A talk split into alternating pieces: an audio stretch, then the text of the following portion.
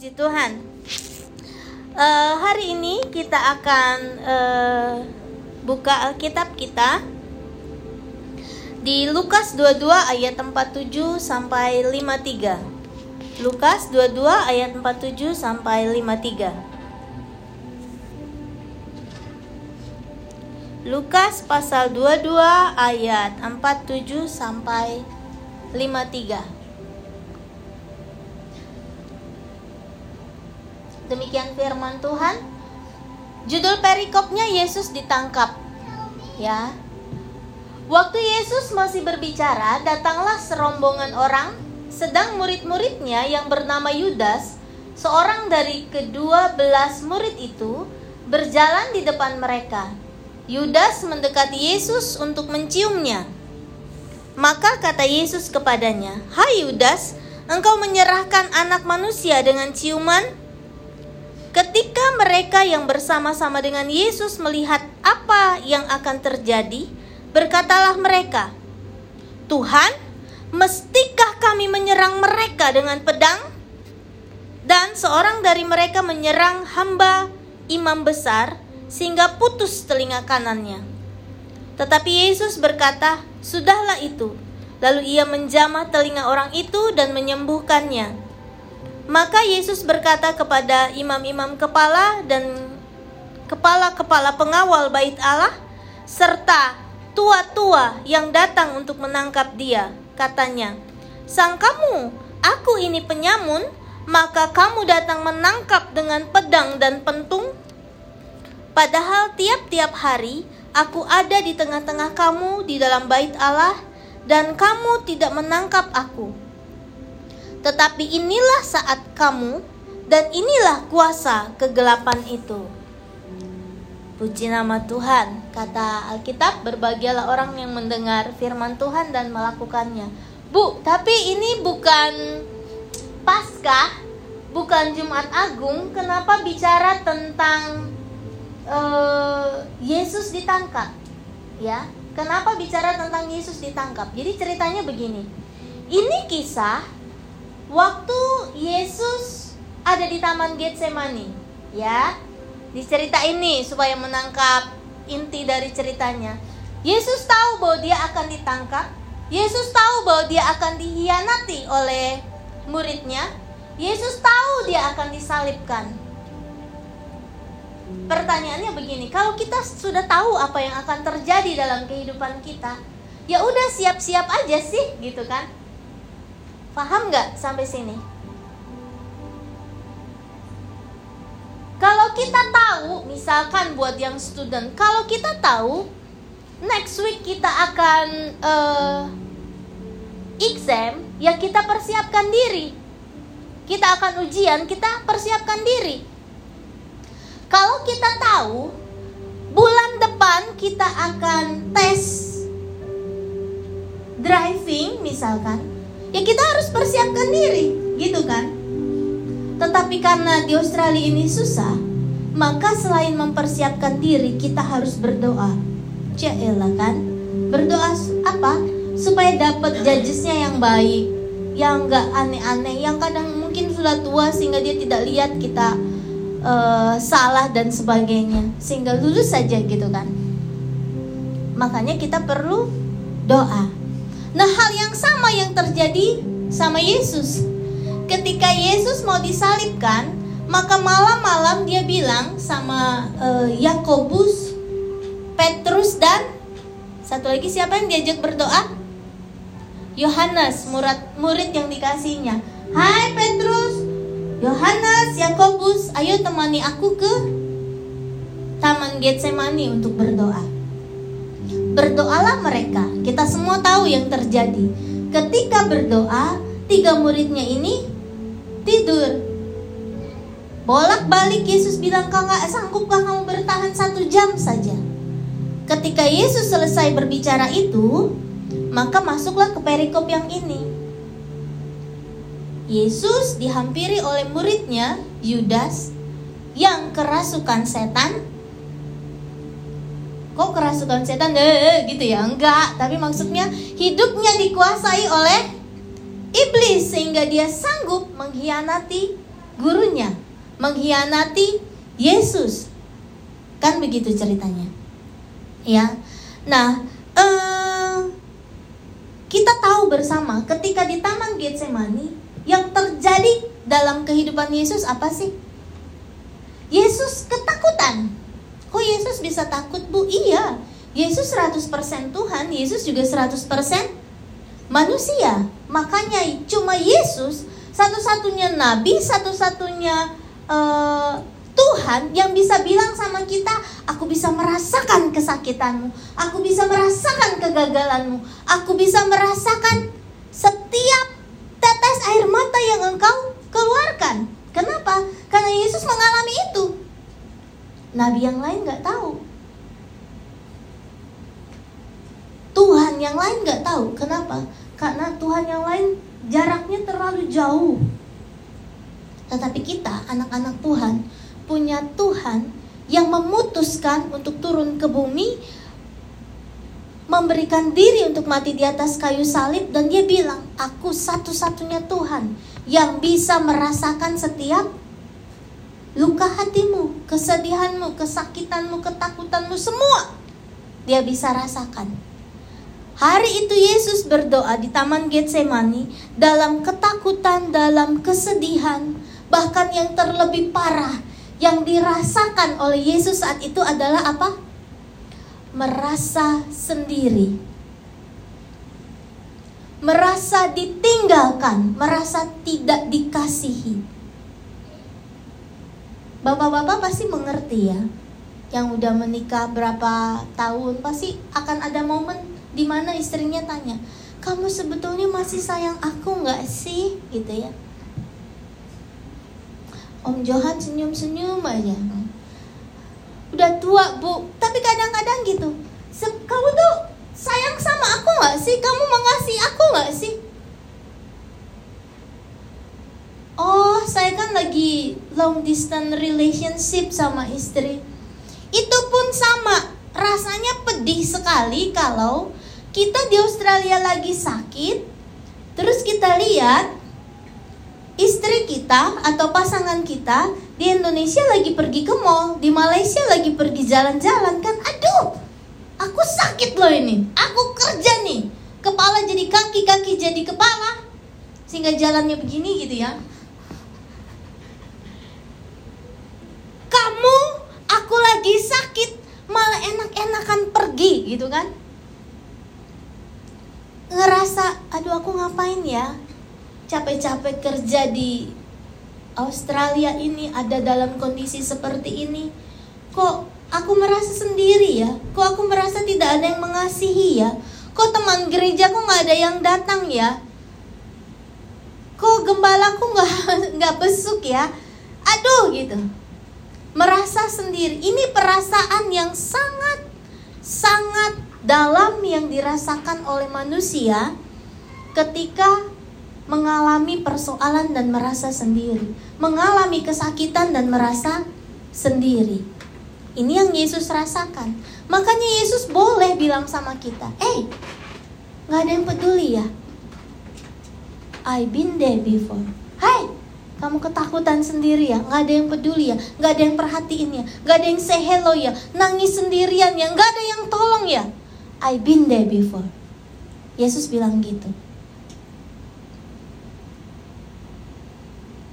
Nah, Bapak Ibu Saudara, di tengah-tengah perasaan Yesus yang sedang sedih, marah, ketakutan, merasa sendiri, merasa tidak dikasihi, merasa ditinggalkan, merasa tidak ada yang peduli dalam kehidupannya. Pun hari itu dia dihadapkan oleh empat pihak yang tidak lebih baik ada di hadapannya.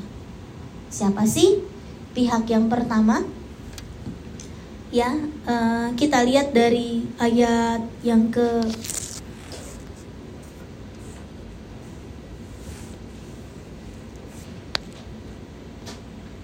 47 Waktu Yesus masih berbicara, datanglah serombongan orang sedang murid-muridnya bersama bernama Yudas, seorang dari kedua belas murid itu berjalan di depan mereka.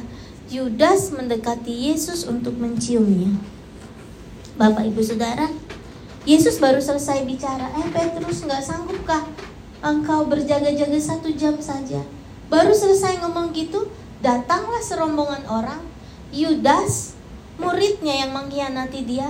Yang jadi yang jadi cerita begini Bapak Ibu Saudara. Murid Yesus ada berapa? 12. Yang ikut berdoa berapa? Tiga. Yang satu mau mengkhianati. Sisanya berapa sih? Tujuh. Bener gak sih? Sisanya tujuh gak tahu ke mana. Ini sering terjadi dalam kehidupan kita ya. Pada saat kita mengalami banyak persoalan, rintangan dan cabaran dalam kehidupan kita, yang sisa tinggal berapa? yang satu yang paling jahat. Ih, gitu ya.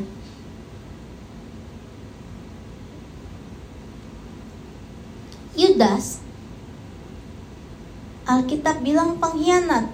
Yudas Alkitab bilang dirasuk oleh iblis sehingga sanggup mengkhianati Yesus. Yudas ini adalah pihak pertama yang ada di hadapan Yesus di tengah penderitaan Yesus, di tengah perasaan Yesus sedang sendiri, di tengah perasaan Yesus yang sedang dalam ketakutan dan merasa ditinggalkan, tidak dikasihi, tidak dicintai, tidak dipedulikan. Kemudian tiga muridnya yang dia ajak bersama-sama berdoa, maksudnya begini loh. Kalau kita ajak berdoa orang maksudnya apa sih? Topang aku dalam doa dong.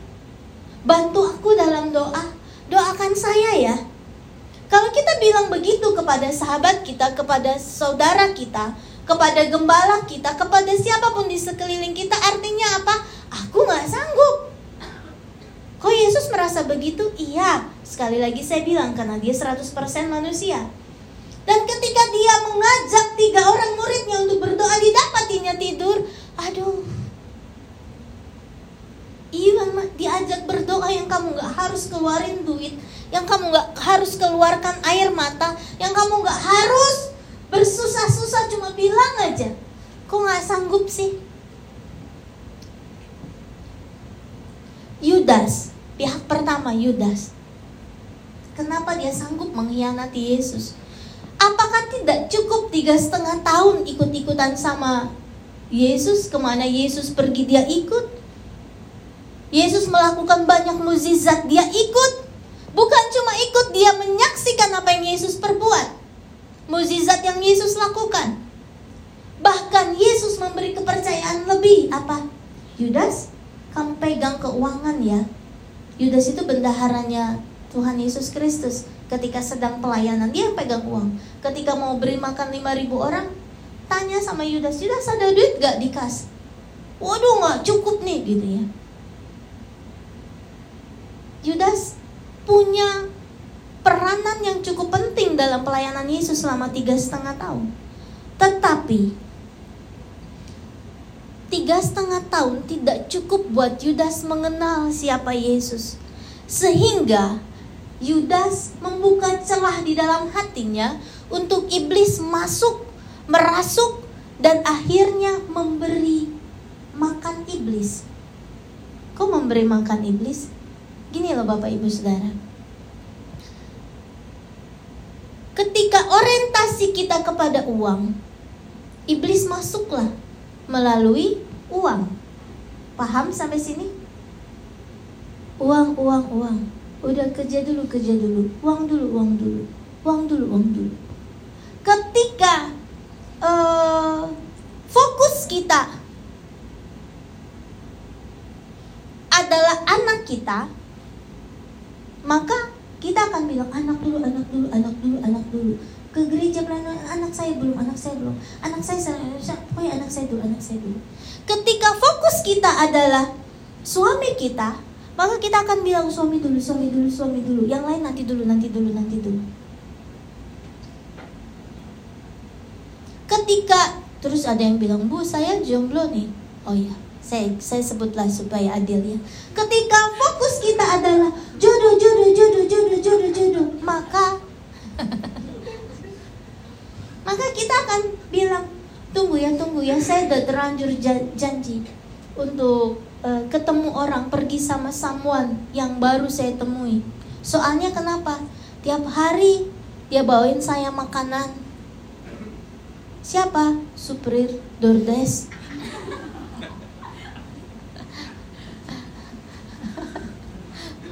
Bukan, carinya di Tinder, di Facebook, ya di gitu. Bukannya di Uber Eats atau DoorDash. Canda Dordes. Nah, akhirnya fokus kita ya itu gitu ya. Jodoh, jodoh, jodoh, jodoh terus. Di situlah kita membuka celah untuk iblis masuk. Umur udah tinggi nih, umur udah banyak nih, udah siapa aja ambil. Saya selalu bilang, bukan anak Tuhan juga nggak apa-apa, omnya Tuhan kek gitu, keponakannya Tuhan,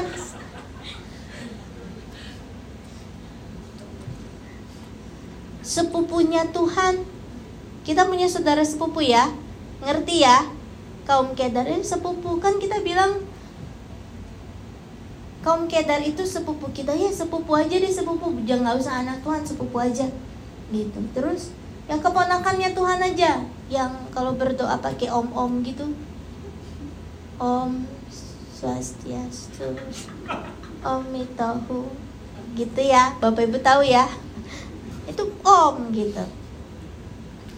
Jadi ketika Yudas di otaknya adalah uang, uang, uang, terbukalah celah, dia kasih makan itu egonya, dia kasih makan itu keinginannya untuk iblis yang ke kenyang. Untuk iblis ke kenyang, feeding iblis, kasih makan iblis. Maka Yudas sanggup mengkhianati Yesus. Sehingga dia jadi lupa semua kebaikan Tuhan. Sehingga dia tidak ingat apa yang sudah Yesus lakukan dalam kehidupannya. Sehingga dia lupa bagaimana dulu pertama kali Yudas dipanggil untuk jadi murid Yesus. Bapak Ibu Saudara paham sampai sini? Hari ini Bapak Ibu Saudara udah berapa tahun ikut Yesus? Kan saya dari lahir udah Kristen.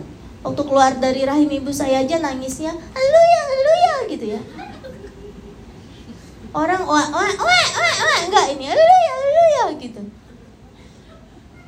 Anak pendeta aja nggak gitu nangisnya. saya udah Kristen sejak lahir bu, sejak dalam kandungan. Pagi Bu Dede dibaptis dua kali di dalam perut mamanya dia dibaptis, mamanya dibaptis dia ikut dibaptis. Udah besar dia dibaptis lagi Makanya begitu saudara ya. Kebanyakan air. Aduh, gak usah deh ngomongin kakak sendiri. Jadi lupa apa yang sudah Yesus perbuat, apa yang sudah ketika kita pertama kali jumpa Yesus, bagaimana kita pertama kali dipanggil Yesus. Kenapa? Ketika saya umur 15 tahun terus saya menyerahkan diri untuk dibaptis. Kenapa saya memutuskan untuk melayani Tuhan? Kenapa saya memutuskan untuk menjadi penari rebana, worship leader? Kita sudah lupa itu. Kenapa? Karena kita buka celah buat iblis masuk. Inilah yang terjadi sama Yudas. Dan hari itu Yesus bilang sama uh, Yudas apa? Hai Yudas, engkau menyerahkan anak manusia dengan ciuman. Ciuman nama Yesusnya gini ya, bukannya hmm, gitu. Kiri kanan, menyerahkan aku dengan ciuman. Ini orang yang pertama. Jadi dalam kehidupan kita ada orang loh yang seperti Yudas. Saudara percaya itu, sadari itu, Coba pikir baik-baik. Di tempat kerja saya ada Yudas nggak ya? Hmm, mulai dia mikir, oh itu tuh anak yang itu tuh yang suka pakai topi terbalik.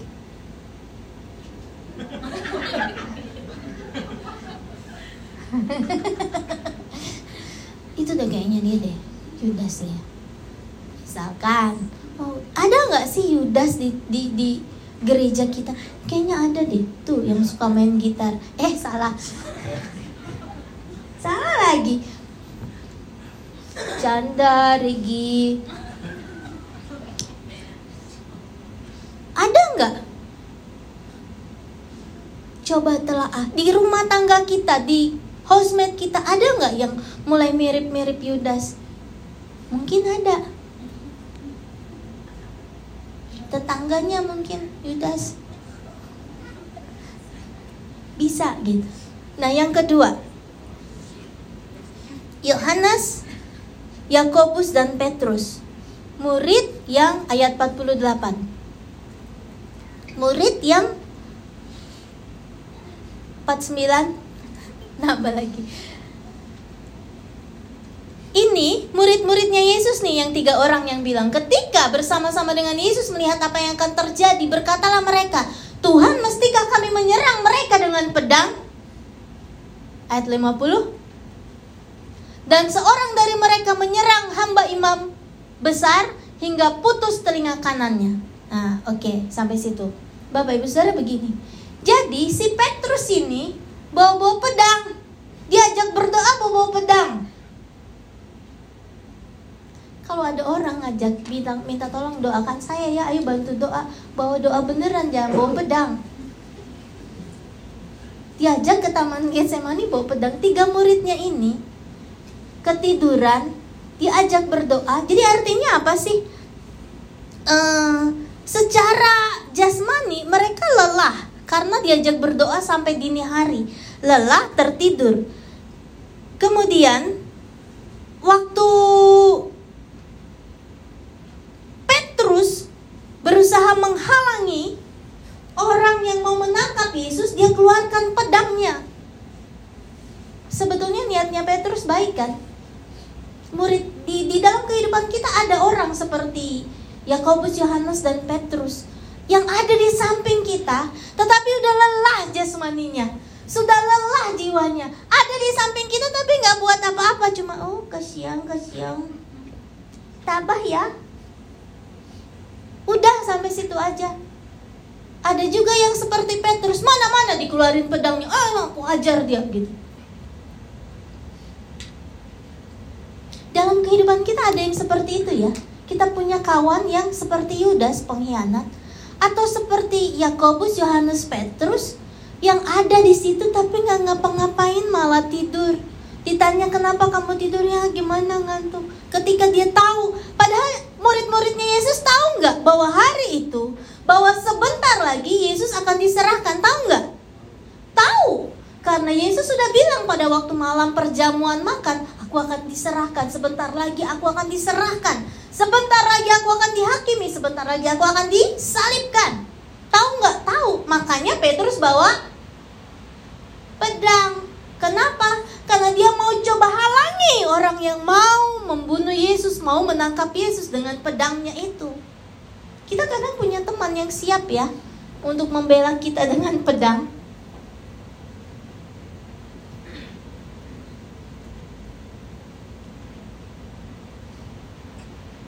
Ya seperti itu kehidupan. Dan kita ngerasa bahwa ih kamu jadi temanku ada di sampingku tapi nggak ngapa-ngapain. Ada ya yang kayak gitu ya? Ada. Ini pihak kedua yang ada bersama-sama dengan Yesus. Yang hari itu mereka tahu Yesus akan ditangkap, tetapi mereka tertidur tidak bisa melawan kelelahan jasmaninya. Di situlah Yesus tahu bahwa ya murid mah murid, diajar mah diajar, lihat mujizat Yesus mah lihat. Mengalami mujizat Yesus nggak mengalami. Petrus mertuanya disembuhkan dari sakit, mengalami nggak? Mengalami. Tapi ketika tiba masa yang menyesakkan hati Allah, menyesakkan hati Yesus, mereka memilih untuk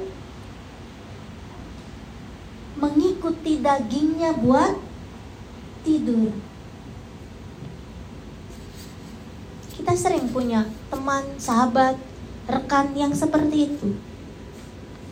Nah, yang ketiga, ayat berikutnya. Dan mereka menyerang hamba imam besar sehingga putus telinga kanannya ayat 50 ini. Tapi Yesus berkata, "Sudahlah itu." Lalu ia menjamah telinga orang itu dan menyembuhkannya. Oke. Jadi begini. Petrus di kitab uh, Yohanes ditulis dengan jelas bahwa Petrus yang putuskan telinga hamba imam besar. Jadi imam besar punya hamba. Imam besar punya asisten.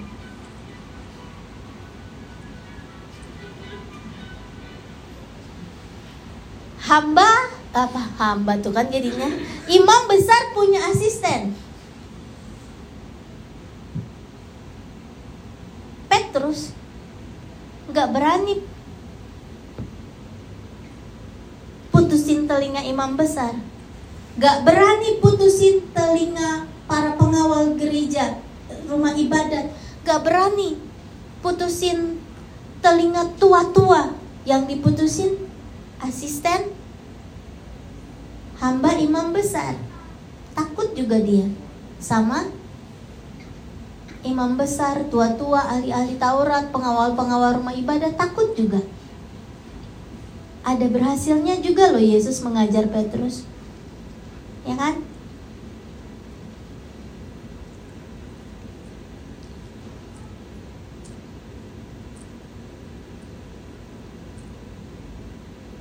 hamba imam besar ini ya cuma mendampingi imam besar ke mana imam besar tuh pergi minum-minum gitu kayak Pak Krisna punya imam apa punya asisten gak sih? Eh nggak peduli diajak ngomong juga dia aja itu. Saudara, bayangin lah 17 tahun saya menikah dengan orang yang begitu. diajak ngomong dia gitu ya. Nah, Bapak Ibu sudah Ya, satu-satunya yang manis dari dia adalah bilang sarang neo di atas mimbar. Ya. Oke. Okay. Nah, uh, asisten ini kan cuma mendampingi ke mana imam besar pergi. Membawakan tas, membawakan minum ya seperti asisten layaknya gitu. Ketika diputus telinganya oleh Petrus dengan pedang, kemudian Yesus ambil dan pasangkan kembali ini pihak yang kok di situasi seberat ini ada-ada aja yang terjadi. Udah berat nih situasi hidupku.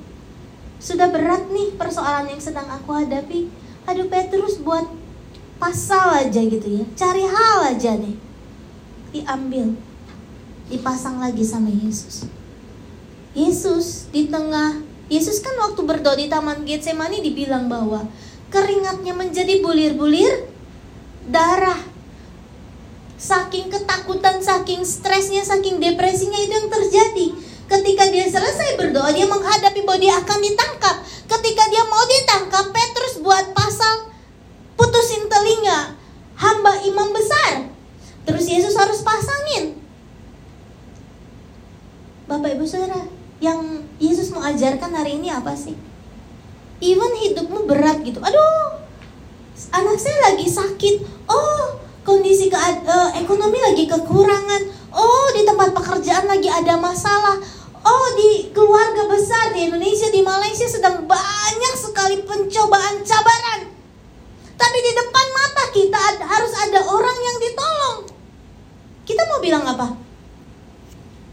I'm sorry, goodbye.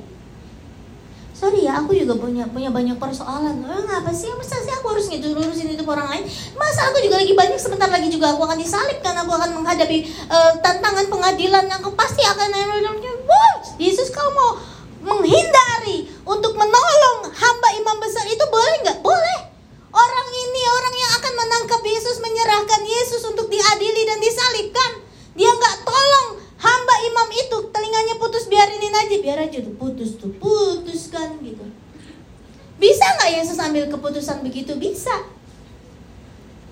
Tetapi dia tahu Yesus tahu bahwa hidupnya dipanggil untuk menjadi berkat bahwa hidupnya dipanggil untuk melayani. Kita nih anak Tuhan kan bukannya keponakan Tuhan bukannya sepupunya Tuhan amin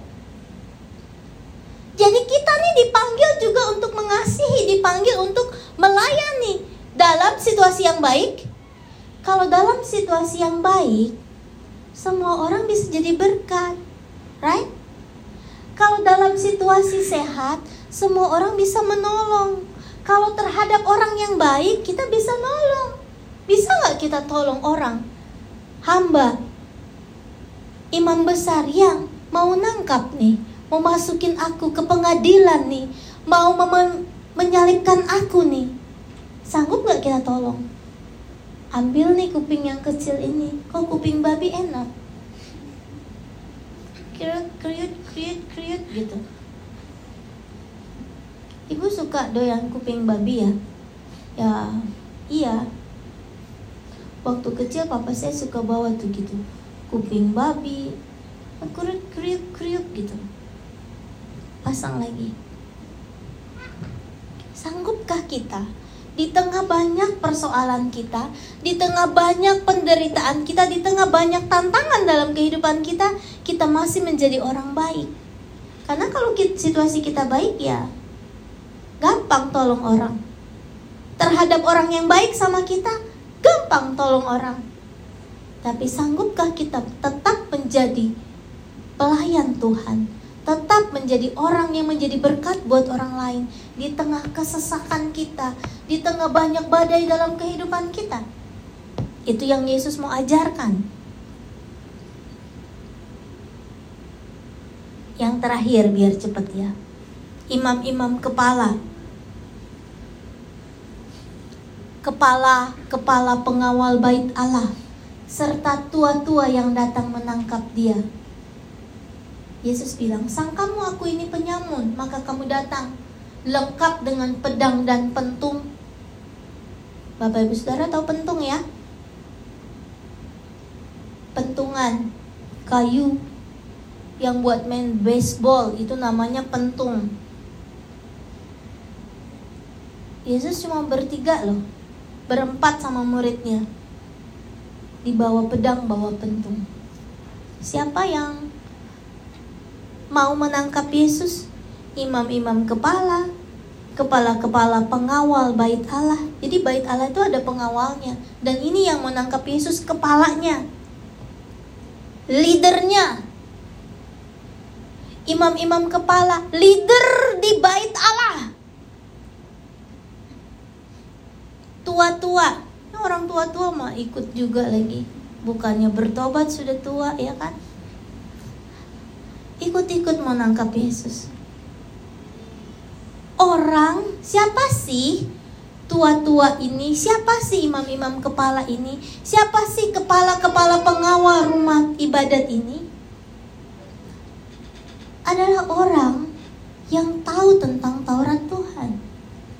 Adalah orang yang tahu tentang kebenaran. Adalah orang yang tiap-tiap hari ada di rumah ibadat.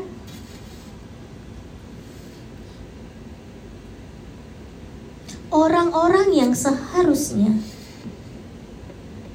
menjaga hati sedemikian rupa sehingga tidak masuk iblis, dikuasai iblis untuk mencelakakan Yesus. Tetapi Yesus di ayat 53 bilang,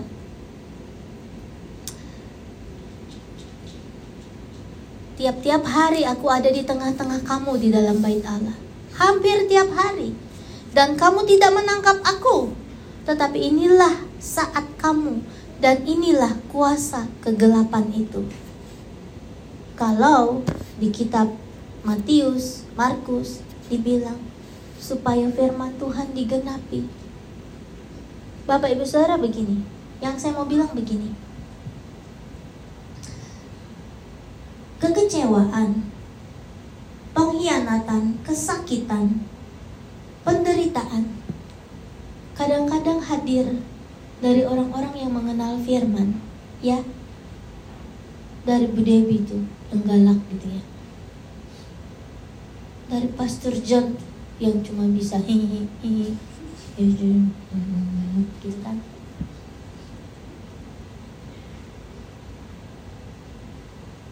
dari orang-orang yang ada di dalam bait Tuhan. Buat apa?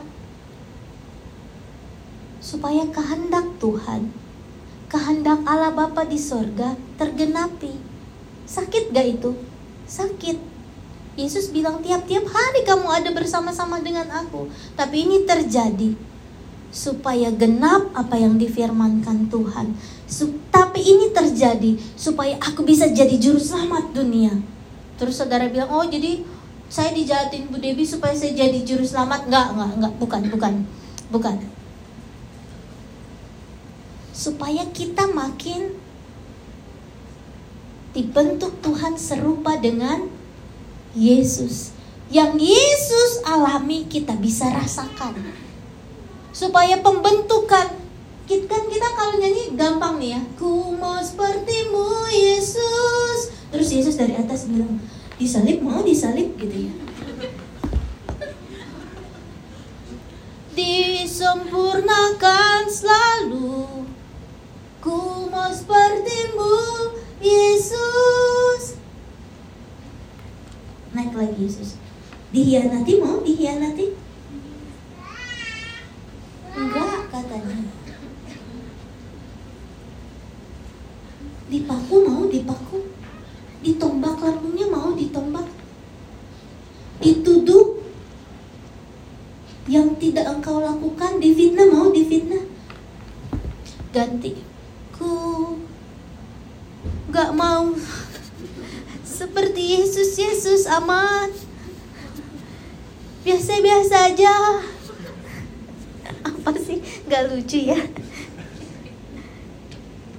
Yesus mau, Yesus ceritakan ini, ayat ini tercatat di Alkitab untuk bagi tahu kita bahwa kalau Yesus mengalami hal yang seberat itu, jadi sekelilingmu, orang-orang yang ada di gereja, yang orang-orang yang engkau anggap kudus, orang-orang yang engkau anggap tahu firman, Allah izinkan membentuk kita menjadi serupa seperti Kristus dan gak sampai disalib.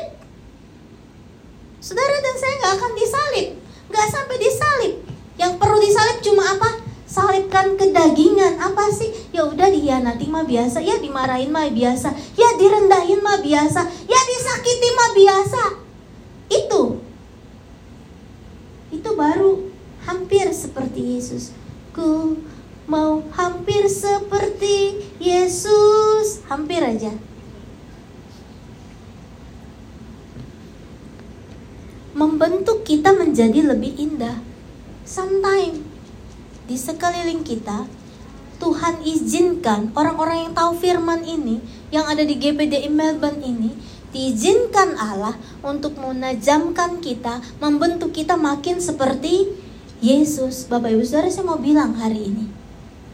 Kalau kita ke gereja mana pun, terlibat dalam pelayanan di gereja, di gereja mana pun, mau di Malaysia, mau di Indonesia, mau di Sydney, New South Wales sama aja, Victoria, Darwin dan sebagainya sama aja. Kita akan ketemu situasi di mana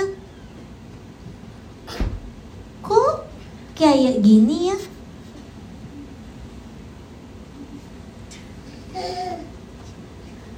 Akan ketemu yang seperti itu. Jadi begini Bapak Ibu Saudara, Inilah gambaran kehidupan kita dalam mengiring Yesus.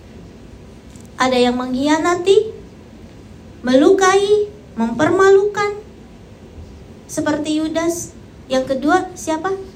Ada yang kita anggap dekat, tetapi hanya menemani kita secara luarnya aja, kulitnya aja.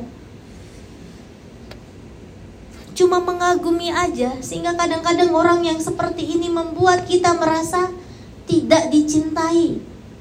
Pak. Tidak dikasih.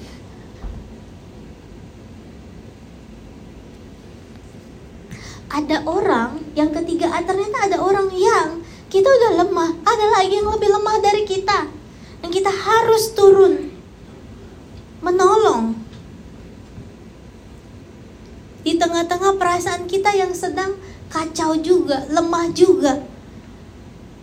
Bahkan kita ada dalam ketakutan, ada lagi yang lebih lemah. Copot loh telinganya. Ada orang yang seharusnya menguatkan kita sebagai orang-orang yang tahu firman Tuhan seperti imam-imam kepala ini, kepala-kepala pengawal bait Allah ini, orang tua-tua yang sudah tahu kebenaran firman Tuhan sejak lama. Kok ada ya gitu. Tuhan izinkan untuk menajamkan kita Bapak Ibu Saudara, ada banyak alasan untuk kita menjadi lemah dan mencari kambing hitam. Ya kan? Tahu kan kambing hitam? Tahu ya? Objek yang akan disalah-salahkan. Anak jatuh, salahkan lantainya. Kita ada dalam masalah dengan bos, kita salahkan kawan kita kita sakit, kita salahkan cuaca. Cuaca padahal dari Tuhan, kita salahin Tuhan berarti ya. Kita mengalami fitnahan, kita salahkan orang. Itu yang sering kita lakukan, cari kambing hitam. Coba kita buka ya. Alkitab kita di Matius 26 ayat terakhir, ayat 53 sampai 54. Matius 26 ayat 53 dan 54.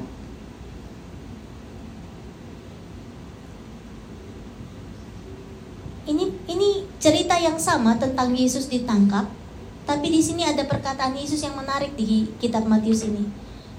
Yesus bilang begini, "Atau kau sangka bahwa aku tidak dapat berseru kepadaku kepada Bapakku supaya ia segera mengirim lebih dari 12 pasukan malaikat membantu aku? Ayat 54. Jika begitu, bagaimanakah akan digenapi yang tertulis dalam kitab suci yang mengatakan bahwa harus terjadi demikian? Yesus bisa membela diri saat itu? Bisa. Yesus bisa berdoa kepada Bapaknya untuk menurunkan pasukan, 12 pasukan untuk membelanya bisa. Tapi at the time, Yesus bilang, ini waktunya aku untuk dihakimi. Ini waktunya aku untuk diadili. Ini waktunya aku mengalami penderitaan seperti ini. Ini waktunya firman Tuhan digenapi dalam hidupku, dalam dunia ini untuk sesuatu yang lebih besar lagi. Kita nggak perlu seperti Yesus amat-amat sampai harus mati di kayu salib. Kita cukup salibkan daging kita. Kita bisa bilang sama Tuhan begini hari ini. Tuhan, masalahku hari ini. Sesungguhnya engkau bisa kirimkan 12 pasukan malaikat untuk tolong sakitku. Engkau bisa turunkan 12 pasukan malaikat untuk selesaikan persoalanku. Engkau bisa kirimkan 12 pasukan malaikat untuk membela aku. Tetapi aku tahu Tuhan, aku harus dibentuk menjadi serupa dengan Engkau, menjadi genap firmanmu dalam hidupku, sehingga orang lain bisa melihat ada kemuliaan di tiap langkah yang aku lakukan, di tiap keputusan yang aku ambil, Manusia akan melihat perbuatan-perbuatan Tuhan dalam kehidupanku. Bukan Tuhan tidak sanggup kirimkan pasukan malaikatnya untuk menolong kita. Tapi hari ini Tuhan ajarkan kita mau diproses, mau dibentuk untuk menggenapi firman Tuhan dalam kehidupan kita. Sekalipun air mata kita mengalir, sekalipun kita merasa ada dalam posisi terpojok, tidak dikasih, tidak dicintai, tidak ditolong, ditinggalkan, bahkan masih harus mengeluarkan effort untuk menolong orang lain, lakukan. Ini penghakiman kita di muka bumi. Yesus dihakimi di muka bumi, diadili di muka bumi. Ini penghakiman kita di muka bumi. Ini pengadilan kita di muka bumi. Supaya apa? Supaya kita tidak menghadap pengadilan Allah di sorga nanti. Amin. Bapak Ibu Saudara mengerti? Kita tidak akan dihakimi. Karena kita sudah dihakimi dan diadili di muka bumi ini. Banyak orang tulis status di Facebook, di Instagram. Hakimi aku terus, hakimi aku terus. Siapakah kamu menghakimi aku? Saya mau bilang siang hari ini, Biarkan orang menghakimi kita, biarkan orang mengadili kita. Kenapa? Supaya nanti ketika kita menghadap Tuhan, kita tidak perlu di diadili. Kita tidak perlu dia dihakimi. Amin. Puji nama Tuhan saya undang